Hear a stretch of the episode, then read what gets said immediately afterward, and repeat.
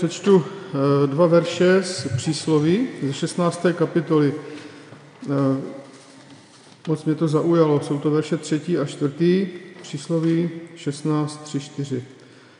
Uval na hospodina činy své a budou upevněna přece vzetí tvá. Hospodin všecko učinil pro sebe samého, také i bezbožného ke dní zlému. Eh, já dneska otevírám Lukášovo evangelium, sedmou kapitolu a budu číst eh, takovou příhodu, která se stala vlastně na hostině. Takže je to Lukáš, sedmá kapitola a budu číst od 36. verše. Prosil ho pak jeden z farizeů, aby jedl s ním. Pročež všet do domu toho farizea, posadil se za stůl. A aj žena ve městě, kteráž byla hříšnice, zvěděvši, že by seděl za stolem v domě farizea, přinesla nádobu alabastrovou masti. A stojeci ze zadu u noh jeho s pláčem počala slzami smáčeti nohy jeho a vlasy hlavy své vytírala a líbala nohy jeho a mastí mazala. Uzřev pak to farizeus, kterýž ho byl pozval, řekl sám sobě tak. Byť tento byl prorok, věděl by, která a jaká je to žena, kteráž se ho dotýká, nebo hříšnice jest. I odpověděl Ježíš dí jemu, Šimone, mám něco pověděti? A on řekl, mistře, pověz. Dva dlužníky měl nějaký věřitel. Jeden dlužen byl 500 peněz a druhý 50. A když neměli, odkud by zaplatili, odpustil oběma. Pověziš mi tedy, který z nich více bude jej milovati. I odpověděl Šimon, řekl, mám za to, že ten, kterémuž více odpustil. A on řekl jemu, právě jsi rozsoudil. A obrátiv se k ženě, řekl Šimonovi, vidíš tuto ženu? Šel jsem do domu tvého, vody nohám mým nedal si. Ale tato slzami smáčela nohy mé a vlasy hlavy své vytřela. Nepolíbil si mne, ale tato, jak jsem všel, nepřestala líbati noh mých. Olejem hlavy mé nepomazal si, ale tato mastí mazala nohy mé. Protož pravím tobě, odpuštění jsou jí hříchové mnozí, neboť milovala mnoho. Komu se pak málo odpouští, málo miluje. I řekli jí, odpuštění jsou tobě hříchové. Tedy počali, kteří tu spolu seděli za stolem, říci sami mezi sebou, kdo je tento, kterýž i hříchy odpouští. I řekl ženě, víra tvá tebe k spasení přivedla. Jdíš, upokoj.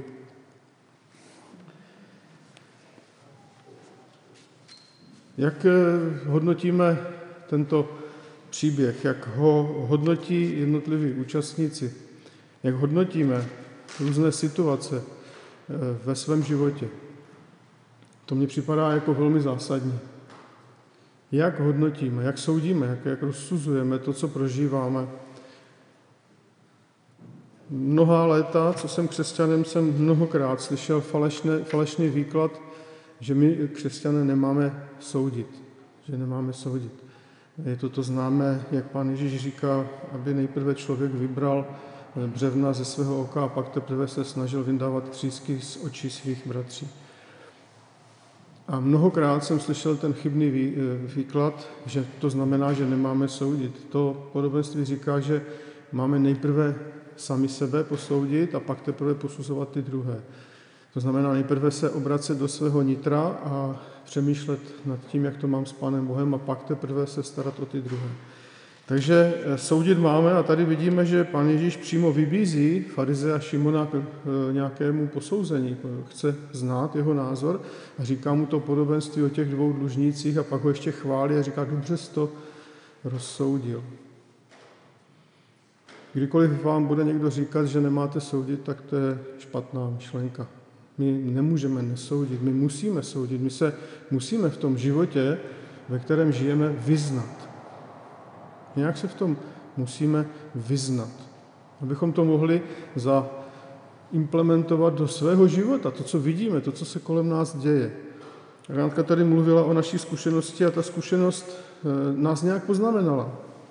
Nás dva. Něco to udělalo s naším vztahem, něco to udělalo s naší vírou v Pána Boha. Nemůžeme, eh, a to ani není možné, abychom eh, dělali, že se nic nestalo. Ale někdy ano, někdy máme takovou tendenci některé věci vytěsnit. A mnohdy se nám stává, že nerozumíme tomu, co jsme prožili nebo co prožíváme.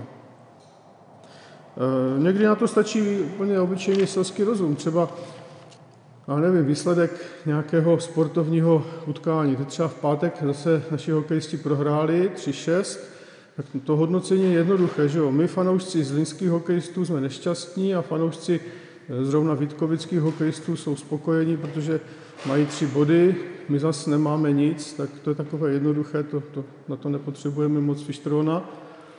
Ale jsou mnohé situace v našem životě, na které potřebujeme selský rozum a ten máme a, a často ani ten selský rozum no, v těch situacích nestačí, nepomáhá. To je, mohli bychom se, já nevím, třeba od situace, otázky kolem covidu, anebo kolem já nevím, toho, co se děje v našem městě, jestli se má stavět tohle nebo tamto a, a máme na to mít nějaký názor, tak se nějak musíme eh, s tím vypořádat, ale ani na to nám často selský rozum, který je dobrý a který nám dal Pán Bůh, tak ani ten nám na to nestačí. A tak eh, my křesťané často používáme svaté nadšení pro Pána Boha, podobně jako ten Šimon, ten farizeus. A my považujeme to za úplně nejvíc a dopouštíme se mnoha chyb, mnoha velkých chyb, jaké se dopustil i ten farizeus Šimon. Farizeus eh, tu situaci, která se stala v jeho domě, vůbec správně nevyhodnotil. A to se nám stává velmi často ve svatém nadšení. Protože svaté nadšení často znamená, že jedeme podle pravítka, že jedeme podle pravidel a pokud eh, nezapadne ta situace do té správné škatulky, tak je to hodnoceno špatně a pak vlastně často to, co prožíváme, můžeme i špatně hodnotit, špatně potom z toho vyvozovat závěry a špatně potom tomu přizpůsobovat i svůj život. A to si musíme přiznat, že se nám děje často. A pak je tu ještě jedna možnost, a ta je úplně ze všech nejlepší, když mluvíme o tom, že jsme pochřtěni Duchem Svatým, že jsme vedení Duchem Svatým, tak to znamená, abychom to hodnocení těch situací dělali s Duchem Svatým. Abychom se nechali Duchem Svatým vést v tom přemýšlení, co to znamená. Když si vzpomínám, jak eh, nám říkal Brněk Matulík na rybníku Dlouhý tu historku, jejímž výsledkem bylo, že vlastně nemáme dost informací, že hodnotíme a nemáme dost informací. To je, to je drtivá pravda. Cokoliv, co hodnotíme, nemáme k tomu nikdy dost informací. I kdybychom si mysleli, že všemu rozumíme a všechno známe, tak i tak nemáme dost informací.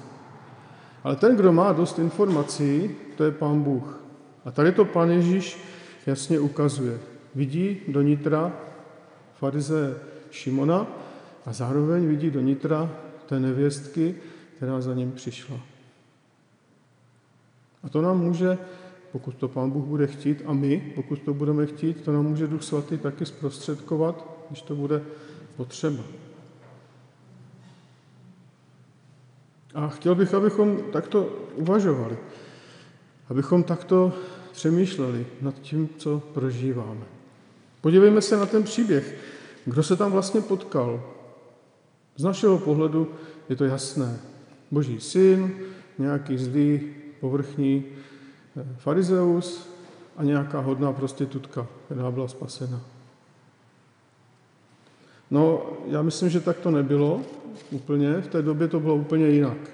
Když se to stalo, tak tam byl nějaký potulný kazatel, prorok, který dělal problémy, úžasný farizeus Šimon, který ve svatém nadšení chtěl tohoto falešného proroka usvědčit, odhalit, proto ho taky pozval k sobě domů na hostinu. No a pak tam byla hříšnice, prostitutka, podotýkám, že židovka, která v tom městě se věnovala tomu nejstaršímu řemeslu, jak se říká. Plná hříchu. A to tam vlastně neměla co dělat. Tu teda, jak si Šimon neplánoval, tu, tam, tomu tam přišla sama. Tu tam přivedl Duch Svatý. No a mohli bychom si říct, že tam vidíme různé, mohli bychom to vidět různě, jak to vlastně bylo, ale podstatné je, jak to nakonec všechno se odehrálo a jak to dopadlo. Jaké byly motivy? Trošku jsme to už řekli. Pan Ježíš se nechal pozvat na hostinu od farizea Šimona, vidíme i jeho jméno tady, čteme, který měl jediný úmysl, prostě ho znemožnit. Konečně už ukázat všem okolo, že je to skutečně falešný prorok. Co na tom, že koná zázraky? Co na tom, že to, co říká, dává smysl? Že ukazuje na Pána Boha. My jsme farizeové přesvědčení, že je to falešný prorok, že to není žádný mesiáš, protože nezapadá do naší škatulky. A to, že ho nepozval jako váženou osobu, byť mu v textu říká mistře, rabóny, tak to celé bylo umocněno tím, že ho vlastně ani neuctil správně. Když vás pozvali na nějakou hostinu pojíst, povečeřet do domácnosti, tak to první, co vám udělali buď sami, anebo jejich otrok, nebo služebník, bylo, že vám umyli nohy, to znamená, vyzuli vám ty sandálky, umyli vám nohy a ty nohy vám natřeli olejem a ještě vám natřeli olejem i vlasy. My si dneska olejem vlasy nenatíráme, ale tehdy v tom orientě to takový zvyk byl a tím vlastně hned dopředu, hned na začátku té hostiny tomu člověku eh, dávali tu úctu najevo. Vážím si tě, že jsi tady u mě doma a že se mnou budeš teďka jíst. A to se nestalo. To farizeus Šimon neudělal, protože jeho úmysl nebyl Pána Ježíše uctít, jeho úmysl byl ho právě znemožnit, demaskovat, odhalit, ukázat, co je zač. A vlastně vůbec nepochopil, že si do domu zve Božího syna, Pána Boha. To je v rozporu s tím, co víme o farizejích. Farizeové byli velmi velkým požehnáním pro izraelský národ. My možná čitatelé, eh, čtenáři evangelií a těch eh, odsudků, které Pán Ježíš říká, si neuvědomujeme, možná si neuvědomujeme, jak významný a jak, požehnaný to byla, jak požehnaná to byla skupina lidí, ti farizeové. To byli ti, kteří vlastně vedli izraelský národ ke znalosti Božího slova. Oni byli přesvědčeni o tom, že znalost Božího slova, znalost Božích zákonů a jejich naplňování vlastně vede k tomu, aby mohl přijít Mesiáš. A oni skutečně se snažili tak žít. A farizeus znamená oddělený. Oni se považovali za oddělené, oni se oddělovali zcela záměrně od těch obyčejných Izraelců, kteří nežili tak zbožným životem. Považovali se za boží a považovali se také za spravedlivé. A ty ostatní považovali za nespravedlivé a doufali, že ten jejich zbožný život, to do detailu, snaha do detailu naplňovat boží zákon, bude inspirativní pro ostatní Izraelce a že se přidají postupně. A to je velmi pěkné a díky farizeům vlastně ten izraelský národ eh, přežil, protože oni vlastně zakládali eh, různé ty školy a vyučovali v božím slově, takže to jejich působení bylo velmi požehnané. Nicméně se minulo s tím božím záměrem ve finále. Když přišel Mesiáš, tak ho většina z farizeů vůbec nepozval, nepoznala a nesmírně je rozčiloval. To, jak fungoval, protože vlastně nenaplňoval jejich představy o tom, jak by měl Mesiáš vypadat. Jejich hodnocení Božího syna Mesiáše se úplně minulo s tím, jaké to ve skutečnosti bylo. Oni to nepoznali. Oni nevycítili, oni, kteří všechno znali, všechno prožívali duchovně, tak nepoznali, že přišel Boží syn. To je strašné, to je tragické. Představte si, že žijete takovým tím posvátným způsobem života a nakonec zjistíte, že jste vedle, jak ta jedle. My si myslíme, že se nám to nemůže stát, že my nejsme farizeové a to je veliký omyl, protože nám se to právě děje velmi často. Nám, křesťanům, se velmi často děje, že jsme v takovém farizejském postavení, vnitřním, takovém myšlení a myslíme si, že vždycky znovu se to tak stane v každé církvi, i v každém zhromáždění, že než bychom hledali Pána Boha pod vedením Ducha Svatého, tak si řekneme, jak to vlastně má vypadat, to hledání Pána Boha, nějak si to určíme a pak dohlížíme na to, jestli to dodržujeme. A tuto karikaturu cesty za Pánem Bohem považujeme za vlastně křesťanství. A jsme úplně ve stejné pozici, pokud takto přemýšlíme, jako farizeové. To znamená, že se úplně míjíme s Pánem Bohem. Představte si, že farizeus má v obýváku Boha, vůbec to neví. Máte ve svém srdci Pána Boha, máte ve svém srdci Ducha Svatého, Pána Ježíše Krista, to bychom měli vědět. On ho měl doma a nevěděl to. Vůbec si toho nevšiml. A navíc si myslel, že je to darebák, že je to prostě podvodník. A dokonce si myslel, že on je ten povolaný k tomu, aby ho definitivně odhalil, aby konečně přestalo to jeho řádění. Úplně se minul z boží vůli, totálně. Ale byl hluboce přesvědčený, že on je vykonavatelem boží vůle. Uvědomujete si, jaká je to hrůza, když se nám to stane? Když se úplně mineme s Pánem Bohem, ještě všem vykládáme, jak jsme my tím nositele Boží pravdy. Stává se nám to všem. Více či méně utíkejme z takového myšlení. Zkoumejme, jak je to s námi, jak je to v našem nitru. Ne všichni farizeové byli mimo. Třeba z takový Gamaliel, když pro nás sledovali první křesťany, tak přišel a to nebylo asi svaté nadšení, to byl možná selský rozum, nevím, a říkal jednu zásadní větu. Chlapi, jestli je to od Pána Boha, tak to nezničíme. Poslechl ho někdo? Ne, to, to se nechtělo slyšet. Ale přitom to byla pravda a ta pravda se naplnila a my jsme, vlastně i my jsme důkazem té jeho úvahy. Prostě boží dílo se nezničí. A to je boží dílo. Křesťanství, přesto, že my to kazíme, my lidé to kazíme, přesto to je boží dílo a nezničí ho nikdo. Ani komunisti, ani farizeové. Nikdo ho prostě nezničí. A nikdo přijde později a bude chtít ničit boží dílo, nezničí ho. Tak to je prostě jedna věc, kdy jsou lidé, kteří jdou za Pánem Bohem v takovém prahu svatém nadšení a přijdou jinam.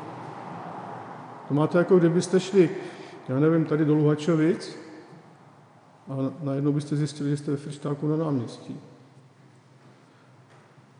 To je jako možná úsměvné, ale jako ve Frištáku je hezky, to, to nic, ale, ale, ale je to jinde, jinde, než jste chtěli být. Jo? Prostě jste někde udělali chybu a, a špatně jste odbočili a cestu neznáte a byť si myslíte, že jste v Luhačovicích, najednou jste ve Frištáku. Pozor na to dejme. Dejme na to velký pozor, aby se nám to nestalo. Stává se nám to poměrně často. A pak je tady druhý motiv, motiv eh, té nevěstky, která nebyla pozvána na tu hostinu a přišla. Tak eh, pro nás je to možná taková trošičku akademická úvaha. Zeptám se, znáte někdo nějakou prostitutku? Nebo potkali jste se někdy s nějakou prostitutkou? Měli jste s ní možnost mluvit? Co je to asi za osoba? Nebo, tak aspoň jste to viděli ve filmu, ne? Nebo někde v divadle, nebo jste o tom četli třeba. Tak eh, myslím si, že tady zdravý selský rozum i svaté nadšení říká jednoznačně, že to je prostě špatně. To je osoba úplně mimo, to je prostě to je úplně špatně. To je prostě něco, co je člověk, který je prolezlý hříchem a, a s tím se nemá smysl potkávat. Kolikrát jsem si říkal, jak by to vypadalo, kdyby třeba se staršovstvo usneslo, že pošle bratra kazatele do nějakého nejbližšího nevěstince, aby tam hlásal evangelium. Pak ho třeba někdo viděl, jak tam vchází nebo vychází. To by byla hrůza. Ale taky se nám to někdy stává, že si křesťané vymýšlí, komu mu budou zvěstovat evangelium. Třeba bezdomovcům, protože ti jsou nejvíc chudáci, tak já budu zvěstovat evangelium bezdomovcům, nebo někdo řekne, že bude zvěstovat evangelium třeba Romům, to jsem to taky slyšel. Jo? Ne, prostě najdou si nějakou skupinu lidí, která jim připadá nejvíc jako eh, nešťastná a, a na tu se zaměří. A pak se potkají s tou realitou a, a buď teda jsou zdravého uvažování a pochopí, že to byla slepá ulička, nebo teda furt jedou dál a furt jedou dál, i když nejsou žádné výsledky. Pan Ježíš to nedělá. Pan Ježíš čeká, kdo přijde za ním. Já se teda přiznám, že jsem s jednou prostitutkou mluvil. Vzal jsem stopem nějakou slečnu a tak, jak se bavíte ze stopaří, kam jdete, ona se ptá, nejedu tam, nejedu tam, takže si tam zavezu. No a pak jsem se jí ptal, co tam teda jede dělat. Bylo tak nějak odpoledne, eh, jaké má povolání a ona mi s velikou radostí oznámila, že ona vlastně dělá to nejstarší řemeslo a že jede zrovna za zákazníkem. Ona říkala za klientem, tak jsem si říkal, jako pracovníci bank s oblibou říkají, že mají klienty, tak představa, že říká těm, co užívají její služby klienti. No. A já jsem byl nadšený v tu chvíli, já jsem si říkal, teď jí to řeknu. Tak jsem mi řekl evangelium, že eh, tedy eh, Pan Ježíš je tu pro ní a ona může změnit svůj život a může prostě to úplně otočit. A to jste měli vidět, jaký nastal rachot. To se začala strašně vstekat, nadávat a slyšel jsem hodně věcí, které jsem opravdu slyšet nechtěl. A hodně slov, která jsem slyšet nechtěl, no ale naštěstí se mi vezl asi jenom 20 kilometrů, tak jsem si to dlouho neužíval, takže jsem ji zavezl tam, kam chtěla a eh, pak jsem tím přemýšlel a přemýšlím nad tím do dneška. Eh, co to znamená a proč to říkám? My máme křesťani opravdu někdy pocit, že prostě evangelium je automatické kouzlo, které když vyslovíme, tak, tak funguje. Nevím, kde jsme to vzali, nevím, čím jsme si to doložili, ale pořád tomu mnozí věříme. Dokonce někteří říkají, že stačí už jenom to vyslovit, jenom to říct, aby to zaznělo.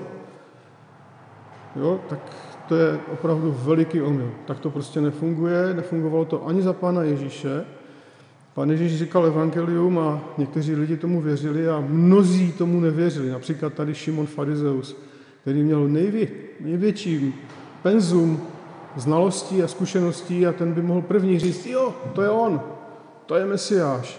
A říká, ne, to je falešný prorok, podívejte se, že on nepoznal, že mu tady brečí prostitutka na nohy. Tak to jako je, to je jasné, že to není žádný prorok.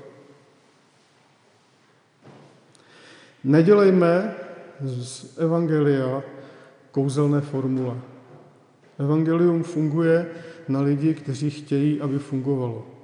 Tady přichází prostitutka, která je v tom městě známá. To znamená, byli v tom městě nějací bohatí, duchovní, vážení, spravedliví občané, pak byli ti uprostřed nějací míň bohatí, míň, míň duchovní, pak byli ti dole, kteří byli eh, velmi chudí, velmi neduchovní, třeba eh, vařili kozí maso v mléce, což židovská víra zakazuje. A pak úplně pod těma všema dole byla ještě tahle ta žena.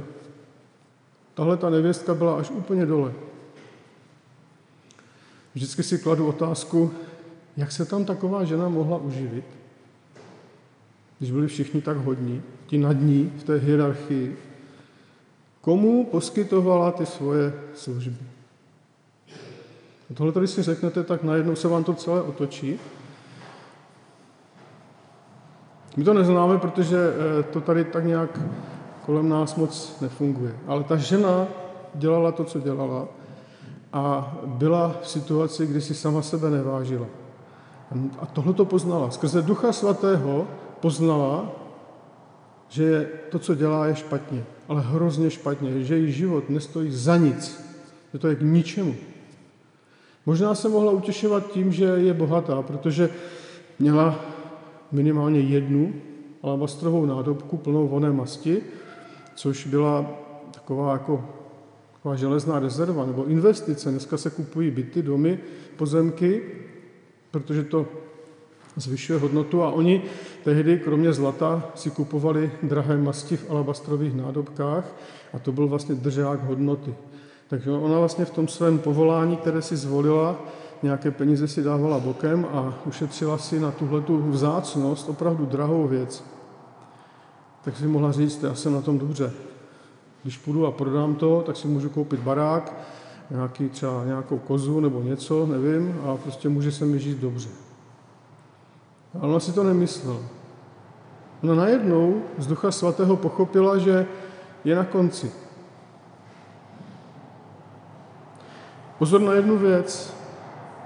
Nejenom Duch Svatý nám říká, že jsme zhřešili. Někdy nám ďábel říká, že jsme zhřešili.